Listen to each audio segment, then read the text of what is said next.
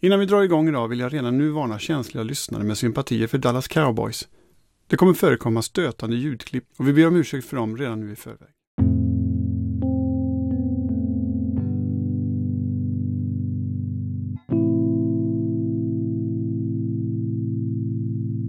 Välkomna tillbaka till ett nytt avsnitt av NFL Supporter Dokumentär. Podden där vi gräver i det förgångna i NFL och plockar fram en gammal historia som är värd ett varv till i rampljuset. Innan vi börjar idag skulle jag vilja lyfta fram några saker från oss på NFL Supporter. Du vet väl om att vi har två stycken andra kanonpoddar i form av veckans NFL och veckans college. Perfekt för dig som vill ha senaste nytt. Med det sagt så ska vi ta oss an dagens avsnitt som är gjort av undertecknad Per Foglin samt min kollega på NFL Supporter Svante Jakobsen. För er som inte sprungit på Svante innan så har han en förkärlek för det lag som vi ska titta närmare på idag, vilket var synnerligen passande. Idag ska vi gå tillbaka till tiden för min födelse. Vi ska dock inte lägga någon nämnvärd tid på det, utan vi ska ta oss en titt på hur ett av ligans sämsta lag tog sig upp från botten av NFL och lade grunden till en helt ny era. Vi ska be oss till 1979 och ta oss en titt på hur Bill Walsh och hans 49ers lade grunden till det som kommer att bli en av 80-talets stora dominanter. Throws right side for Dyson. He dives for the end zone. Didn't make it. Win, baby. Due to the various uncertainties surrounding my position as it relates to the team's new ownership, um, I've decided to resign as the head coach of the New There's York only Jets. four words. This one's for John. Som NFL-fan i Sverige är det en sak som ganska snabbt blir påtaglig för en. Jag pratar om det här med tid. Det mest uppenbara är kanske att de mest eftertraktade matcherna går mitt i natten för oss. Hur många av oss har inte gått till jobbet eller skolan halvt sovandes på grund av någon nattmatch egentligen? Kollar man vidare så är det inte bara vid de enstaka matcherna som det är lite skevt. NFLs kalenderår börjar exempelvis inte den 1 januari utan i mars. Och 2022 års mästare koras 2023 och så vidare. Vi leder tiden helt enkelt. I denna podd klarar vi oss ofta undan de här förvillande sakerna som vi alltid befinner oss i imperfekt. Men idag ska vi ta oss an ett ämne som har spår av den här tidsförskjutningen. För när man pratar om perioder i NFL så formas de gärna av vilka lag som var ledande under tiden. Vi följer således hellre ett lags formkurva än den klassiska kalendern. Som exempel sägs det ofta att 70-talet ägdes av cowboys och Steelers. De första var visserligen tidigt ute med spel i finalmatcher och de bucklade redan 72, men Steelers gjorde kanske störst avtryck från 75 och framåt. Likadant är det om vi hoppar vidare framåt. De flesta NFL-fans vet att 1980-talet inte började den första januari 1980. Nix. 1980-talet började den 10 januari 1982. Exactly that. And of course, for the upstart 49ers, they're six yards away from Pontiac. Third and three. We'll see a pickup sometime on the right side, possibly. Montana looking, looking, throwing in the end zone.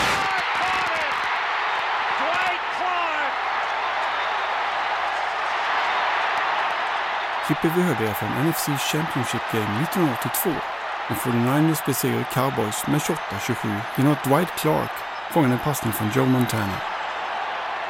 Ett ögonblick och spel som fått namnet The Catch och som kanske är ett av de mest ikoniska enskilda tillfällena i NFLs historia.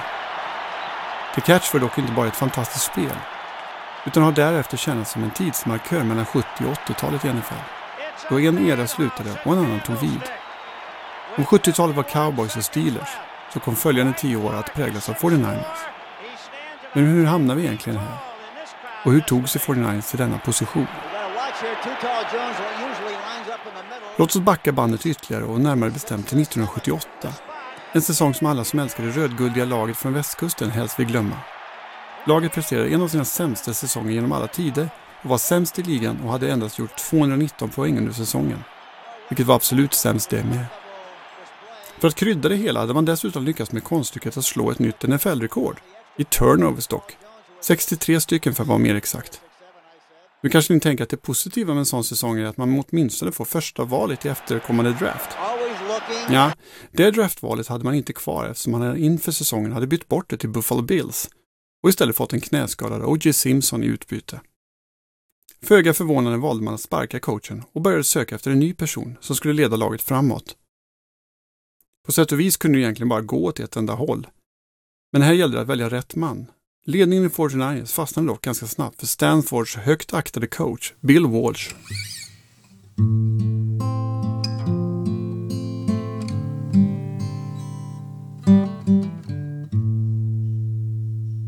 Bill Walsh föddes 1931 i Los Angeles och hade redan tidigare provat livet i högsta ligan. Precis som i så många andra fall med coacher så är det viktigt att notera det här med coachingträd och hur det påverkar en coach filosofi. För precis som med alla oss andra så formas även coacher av sina upplevelser och de personer som de möter på vägen genom livet. För Bill Walsh så kom det första jobbet bland proffsen när han 1966 anställdes av Al Davis som coach för Raiders running backs. Raiders filosofi vid tidpunkten byggde på att man skulle utnyttja banan vertikalt. Här gällde det att hota med långa pass för att sprida ut motståndarna över hela banan.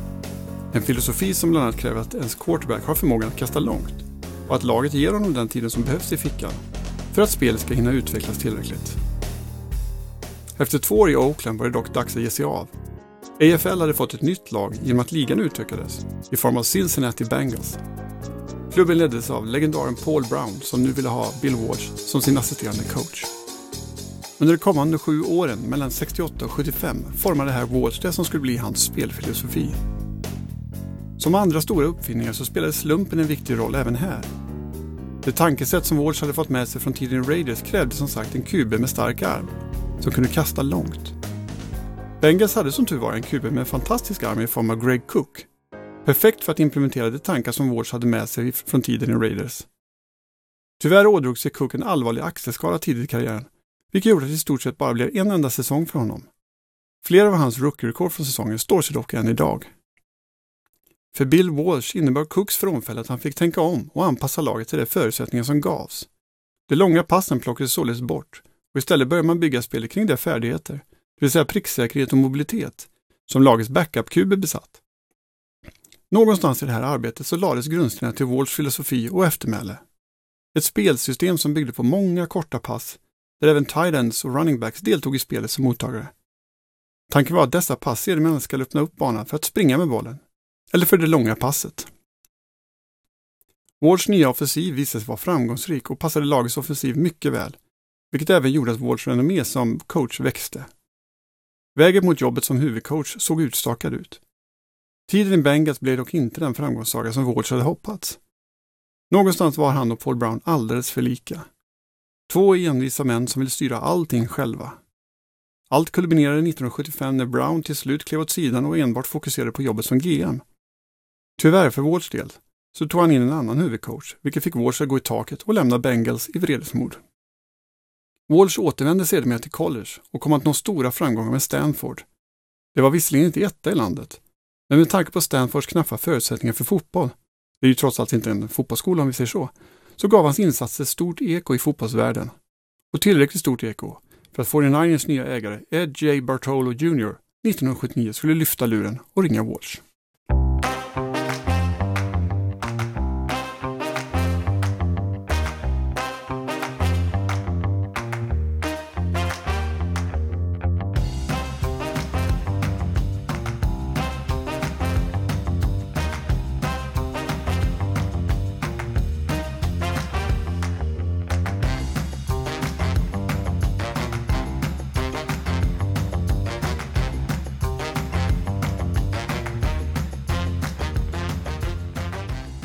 Bill Walsh anlände till 49ers i januari 1979. Uppdraget var oerhört tydligt. Vänd skutan. 49ers skulle lämna botten och bli ett av ligans bästa lag. Första stoppet på denna resa var att drafta en knippe av framtidens spelare i draften. Draftval var det dock lite tunt med eftersom man hade betalt rejält för O.J. Simpson några år tidigare. Närmare bestämt ett val i andra och ett val i tredje rundan 1978, första valet 1979 samt ett val i fjärde rundan 1980. En galen trade. Framförallt för sin tid då lag sällan bytte bort sina val i första rundan. Något som faktiskt bara hade hänt tio gånger innan detta. Och de gångerna hade det inte skett i utbyte mot någon running back direkt. Nej, goda råd var minst sagt dyra, men Walsh gav sig in i draften med öppet sinne. I andra rundan valde Walsh James Owens från UCLA, en running back som inte kom att lämna något vidare avtryck i ligan. I tredje rundan lyckades Walsh mycket bättre. Och här går sig historierna onekligen isär. För vems idé var valet egentligen? Som så många gånger förr i den här podden så är historien om Joe Montana en sån där framgångssaga som gör att folks minnen tenderar att variera lite. Många är de som har hävdat att det var just deras idé att drafta Montana. Så vem vet egentligen? Det vi dock vet är att Walsh, som var känd som en QB whisperer efter tiden i Bengals, även var intresserad av andra quarterbacks. Det pratades om spelare som Phil Sims, som ni säkert känner igen från kommentatorshytten om inte annat, och Clemson Steve Fuller. Båda dessa gick dock redan i första rundan, vilket gjorde att vi inte kan veta om Walsh hade valt dessa om tillfället getts. Intresset av Faller skulle dock visa sig ha en stor inverkan på 49ers framtid. Men låt oss återkomma till det om en liten stund. En QB av något slag behövdes uppenbarligen. Målet var att drafta en mobil och pricksäker quarterback som kunde leda Walsh West Coast Offense.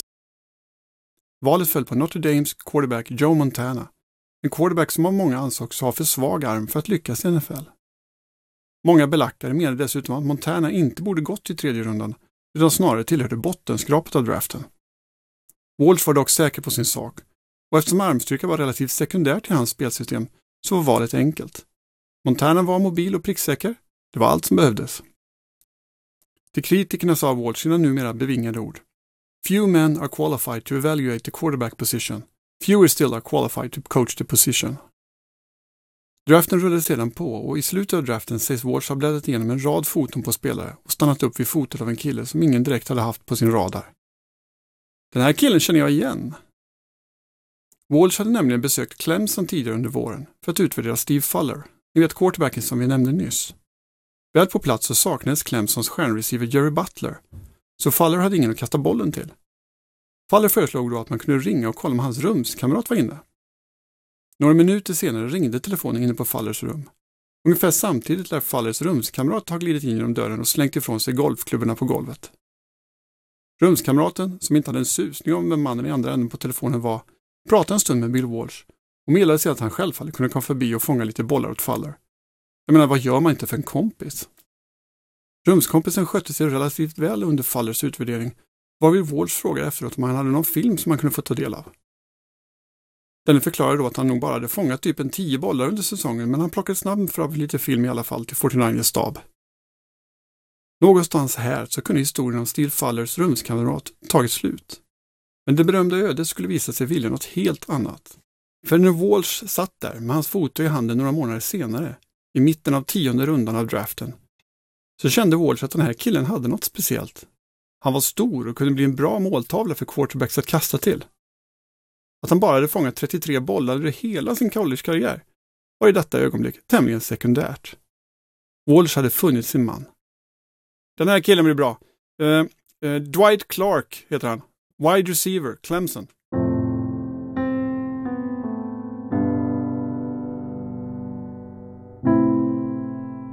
Som man draftar John Montana och Dwight Clark. Är lyckan gjord då? Ja, än fanns det mycket att jobba med för den gode Walsh.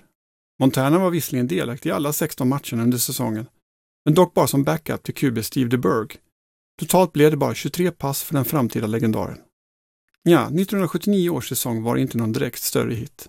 Laget gick 2-14 och lyckades slå ett NFL-rekord som står sig än idag, nämligen att förlora 12 matcher som man tagit ledningen i. Ett föga smickrande rekord som står sig än idag. Men Montanas tid skulle komma. Under följande säsong fortsatte livet som backup. Men ungefär halvvägs in på säsongen var jobbet som starter Montanas. Höjdpunkten inträffade den 7 december då New Orleans Saints, ledda av Archie Manning, gästade staden. Saints arbetade snabbt upp en ledning och ledde med hela 35-7 i paus. 49ers vände dock i andra halvlek och vann till slut på övertid med 38-35, det vill säga 31 obesvarade poäng. Med denna vändning var det uppenbart för de flesta att Montana var framtiden. Trots framgången så var 1980 års säsong bara ett litet steg framåt. Laget hade gått 6-10. Noterbart är dock att det här skulle bli sista säsongen som 49ers vann färre än 10 segrar på många år. Först 1999 skulle man halka under 10 segrar igen. Visst fanns det saker att glädjas över. Till exempel att quarterbackfrågan verkade ha fått sitt svar. Men 6-10 talades ändå sitt tydliga språk och Bill Wards var övertygad om var problemet låg i defensiven. Speciellt när det kom till passförsvaret.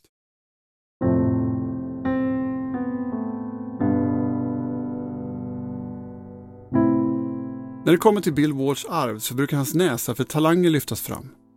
Under draften var han ofta sitt esse och hade en fantastisk känsla för att samla på sig fler draftpicks och ändå lägga vantarna på talangerna i slutändan. Bland Bill Walshs draftmästerverk brukar två år lyftas fram. 1986 och just 1981. 1981 så äntrade 49ers draften med ett enda mål. Att förstärka sitt undermåliga secondary. Ett 30-tal spelare hade redan prövats bara under 1979 års säsong, men utan att man har fått någon fason på försvaret. Den före detta 49ers-spelaren Randy Cross har beskrivit situationen som att ruljansen var så stor att de inte ens hann med att skriva namn på hjälmarna och att ett dussintal spelare inte ens hann med två mål mat innan Wards bad dem att åka hem igen. Lagets sex första draftpicks 1981 la man på defensiva spelare. I första rundan valde man en framtida Hall of Famer i Ronnie Lott och sedan rullade det på med den ena defensiva backen efter den andra.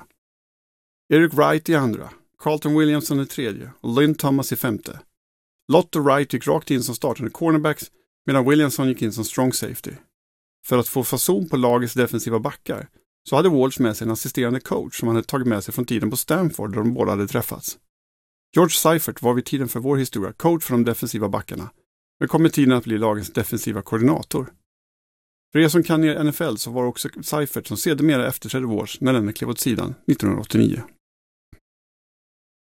Med ett ungt oprövat secondary och en offensiv ledd av Joe Montana tog 49 sig då slutligen an vår sista anhalt, 1981 års säsong.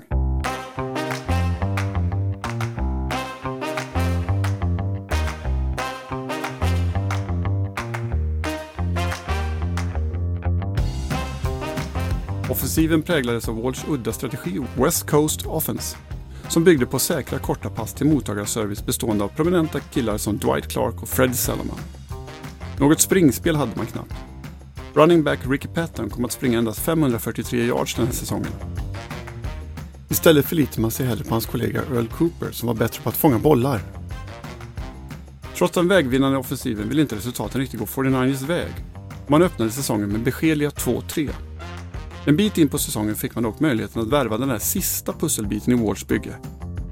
Passrushen och sackspecialisten Fred Dean som hade tröttnat på sitt dåliga lön i Chargers och tog sitt pick och pack och anslöt till 49ers spännande bygge istället. Dean hann knappt ta en kaffe och hälsa på sina nya lagkamrater innan han hoppade in och spelade mot NFC-giganten Cowboys, 70-talets stora dominant. Eftersom Dean var ny in i laget så var tanken att han skulle nyttjas sparsamt tills han kom in i laget. Så blev dock inte fallet och Dean spelade mer eller mindre varenda down och dominerade från första sekund. När han väl kom in i omklädningsrummet i halvtid drog han fram ett paket cools och började röka. Resten av laget bara stirrade. Vad fan var detta? Inspirerad av Deans framfart så klev 49ers ut i andra halvlek och fullkomligt körde över Dallas. Deans monumentala insats i denna match har beskrivits av författaren Tom Daniluk som den bästa serie down som någonsin spelats av en pass rusher. Nästa stora test för 49ers var divisionsrivalen Los Angeles Rams på Candlestick Park i vecka 8. Rams hade då aldrig förlorat på Candlestick och det hade varit i slutspel de senaste åtta säsongerna och spelade Super Bowl så sent som i januari 1980. Efter en bra start av 49ers offensiv, där de smällde upp 14 poäng i den första kvarten, så stagnerade det helt. 49ers ledde med 20-17 när matchens fjärde kvart skulle börja. Och trots att 49ers hade fem offensiva possessions i matchens sista 15 minuter så lyckas de inte ens mäkta med en first down. Detta satte enorm press på 49ers försvar och då klev Fred Dean återigen fram. Dean säkrade Rams quarterback Pat Hayden fyra gånger i den fjärde kvarten, vilket hindrade Rams från att göra några fler poäng i den matchen. Vinsten mot Rams var den första på fem år och det var startskottet för 49ers dominans i väst. Det var också 49ers femte vinst på raken för säsongen, vilket även fick de största skeptikerna att börja tro på dem. Förutom ett smärre missöde hemma mot Browns i november så gick 49ers sedan rent resten av säsongen. 13-3. Försvaret, som tidigare varit lagets akilleshäl, var nu ett av ligans bästa och släppte bara till 20 poäng eller mer i tre matcher. En stor del av denna transformation kan stavas Fred Dean. Dean kom sedermera att vinna Defensive Player of the Year 1981 efter att ha mäktat med 12 sax på 11 matcher för 49ers. 49ers var 3-2 när Dean kom dit och de gick 13-1 efter hans ankomst. Ronnie Lott har i efterhand beskrivit det som att Dean kom in i laget och visade vad elit egentligen innebar. Hans attityd och spel inspirerade resterande spelare att lyfta sig och nå den där yppersta nivån. Någonstans var Dean den där sista pusselbiten som behövdes i Wards lagbygge. Ronnie Lott hade för övrigt själv en fenomenal säsong och etablerade sig som en storstjärna från dag ett. När det senare skulle bli dags att välja säsongens First Team All Pro blev Lott uttagen enhälligt av alla fem tidningar. Enda rookie som lyckats med denna bedrift i övrigt var Lawrence Taylor.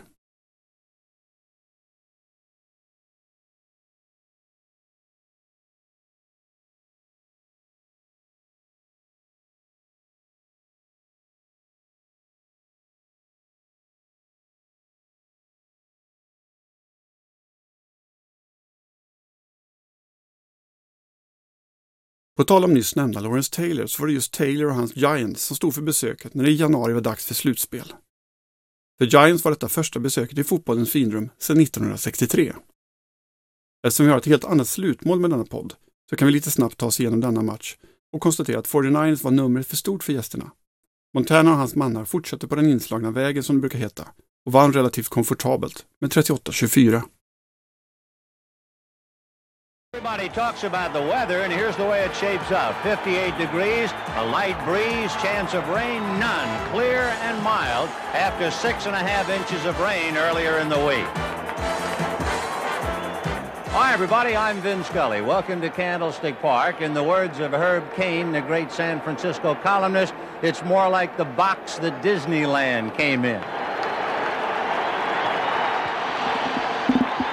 Bill Walsh, the young coach who has brought the San Francisco 49ers literally from nowhere to a place in the sun today. Tom Landry, who has his magnificent career. He has been in 30 playoff games. He has won 18 and lost 12. Slutligen kommer vi då fram till den beryktade dagen. 10 januari 1982. Denna säsongs NFC Championship Game och för motståndet stod hela Amerikas lag, Dallas Cowboys. Anförda av den alltid lika stiliga Tom Landry. Dallas Cowboys hade för övrigt dominerat NFL, och kanske framförallt NFC i synnerhet, under 70-talet. Sju av tio år hade de spelat i NFC Championship Game. Och de två gångerna 49ers har varit i denna match så var det just Cowboys som stått för motståndet. Båda matcherna slutade med samma utgång i form av seger för Dallas. Vid tidpunkten för vår historia hade det dock gått 10 och 11 år sedan dessa två matcher spelades. Men alla lag i ligan var smärtsamt medvetna om att om man ville ta hem mästerskapet på denna tid så var det via Dallas Cowboys man var tvungen att gå.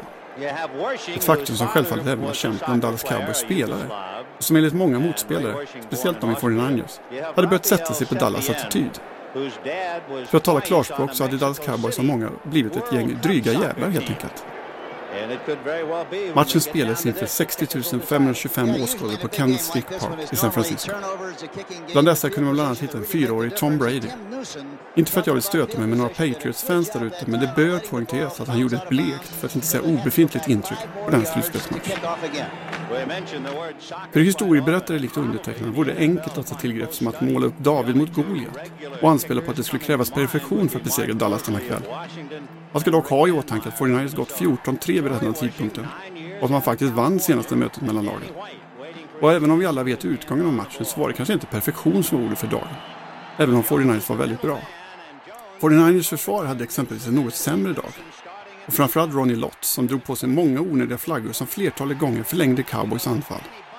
Lott har efteråt tackat Montana och anfallet för att de löste ut honom ur denna kris eftersom han enligt egen utsago gav bort 10 poäng till Cowboys helt själv. Anfallet då? Ja, det klickade bättre i alla fall och såg till att 49ers kunde ta ledningen i första kvarten. En intressant del av fighten var att den på sätt och vis började precis som den slutade. 49ers och matchens första poänggivande spel kom från ett spel vid namn Sprint Right Option. Freddie Salomon och Dwight Clark ställde upp på högerkanten med Clark ytterst. Tanken var att Salomon skulle springa fem yards framåt för att sedan bryta snabbt ut ur kanten för 7-8 enkla yards. Clarks roll i det hela var att korsa Salomons bana och ta sikte på målstolpen mer eller mindre. Tanken var att han genom detta skulle göra ett litet pickplay och bara vara lite allmänt i vägen för försvararna, så att Salomon kunde frigöra lite yta. Om inte Salomon lyckas med detta så erbjöd Clark även ett annat alternativ då han någonstans bortåt målstolpen skulle bryta tvärt utåt och springa ut mot hörnet av planen. I första kvarten fanns dock det primära alternativet ledigt och Montana kunde enkelt passa bollen till Salomon för matchens första TD. Lagen följde sedan åt, men i fjärde kvarten kom Dallas till slut i kapp och kunde efter en interception från Montana gå upp i ledningen med 27-21. När sedan Montana på den efterföljande driven kastade sin andra interception för matchen så trodde nog de flesta att Dallas skulle ta det här. 49ers försvar klev dock äntligen fram och lyckades då tvinga Cowboys till att panta bollen. Med 4.54 kvar fick 49 således tillbaka bollen på egen 11-yardslinje. Därefter började Montana marschera. Yard för yard arbetade man sig fram över fältet till man slutligen stod där på Cowboys sjätte yardlinje. Tredje försöket med 58 sekunder kvar av matchen. What they thought was going to be a barn burner is exactly that. And of course, for the upstart 49ers, they're six yards away from Pontiac. Third and three. We'll see a pickup sometime on the right side, possibly. Montana looking, looking, throwing in the end zone. Clark caught it! Dwight Clark!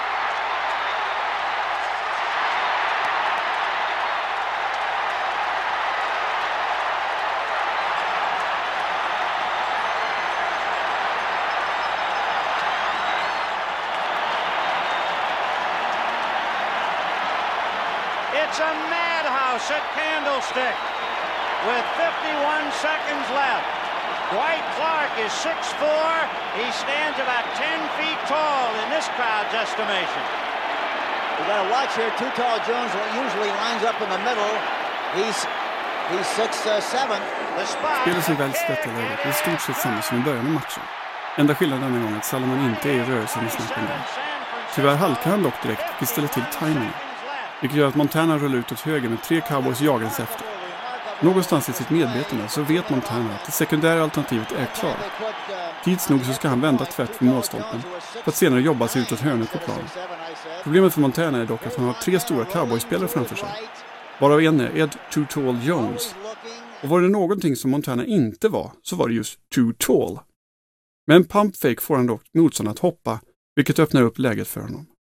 I vad som ser ut som vara ett desperat försök att bli av med bollen kastar Montana till slut iväg den innan han begravs i en hög av blåvita spelare. Han ser egentligen inte alls vad som händer med bollen, men publikens reaktion säger allt. Alla Dallas-fans hävdar än idag att Montana bara var lyckosam. Men tur förtjänar man, sägs det. Spelet var inövat sedan länge och Montana visste att Clark borde vara där någonstans. Det var hans jobb att vara där. Vilket han mycket riktigt var. För bollen var perfekt lagd, på en sån här hög höjd där bara Dwight Clark kunde nå upp. Ut till synes ingenstans dök den där gigantiska wide receivern från Clemson till slut upp och plockade ner den.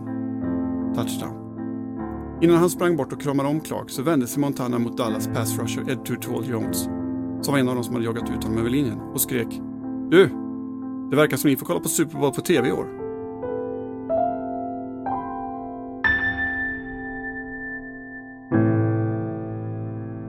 Varken matchen eller säsongen tog egentligen slut där. Men i mångas minne är det vid denna tidpunkt som 49ers vinner Lombardis buckla. Alla vet vad de var när The Catch skedde. Men många är den som får fundera någon extra sekund för att komma på vilka 49ers fick möta i Super Bowl några veckor senare. Ser vi till matchen så ska det sägas att Dallas hade möjlighet till en sista drive. Deras afton slutade dock med att quarterback Danny White blev sackad och 49ers fick tillbaka bollen efter en fumble.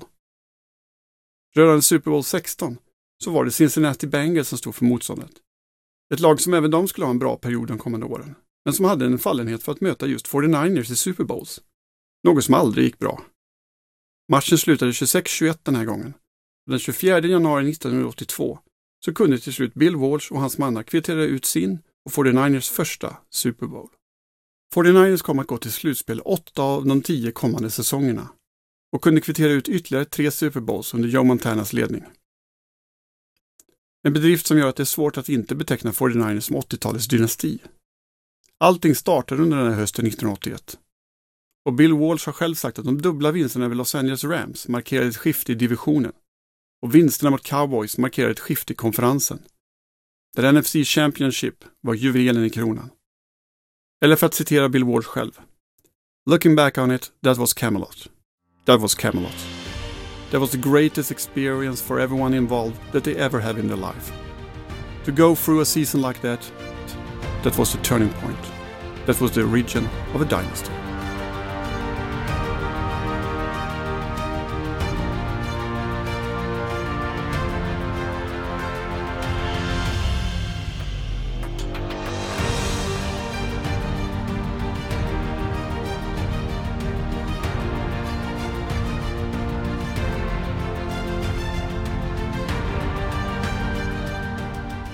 Joe Montana kom sedermera att vinna fyra Super Bowls med 49ers. Noterbart i sammanhanget att han aldrig förlorade en Super Bowl. Bill Walsh lämnade klubben 1989 med tre Super Bowl-vinster. George Seifert klev sedan in och tog de sista två så att säga, innan eran definitivt var över för den gången. Då med bland annat Steve Young som quarterback på sista. Bill Walsh avled sedermera 2007, 75 år gammal. Dwight Clark var med på resan under de två första Super Bowls som 49ers tog hem. Tyvärr drabbades han av ALS och avled 2018 på grund av sjukdomen. Fotot av hans The Catch och det var faktiskt viktigt att det var just ett The Catch och han eh, mobbade ibland Montana för det att det inte kallas för The Throw utan det var ju faktiskt The Catch. The Catch är kanske en av de mest ikoniska bilderna från NFLs historia när Dwight Clark hoppar upp och fångar bollen där. Framförallt är dock Dwight Clark förevigad i alla 49ers-fans hjärtan efter sin insats. Han var med på de två första Super Bowlsen och var en viktig kugge i den uppstart av en dynasti som det faktiskt var.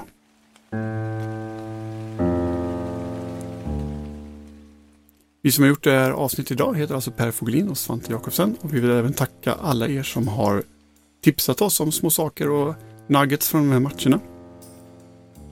Eh, mig och Svante når ni på Twitter lättast kanske. Där hittar ni oss under taggen @foglinper. Svante hittar ni under @jakobsen och då är det Jakobsen med C i Jakob och Z i sen. Om inte annat så hittar ni våra kontaktuppgifter på nflsupporter.ses sida. Har ni några andra idéer på vad vi ska ta upp i den här podden så hör av er till oss.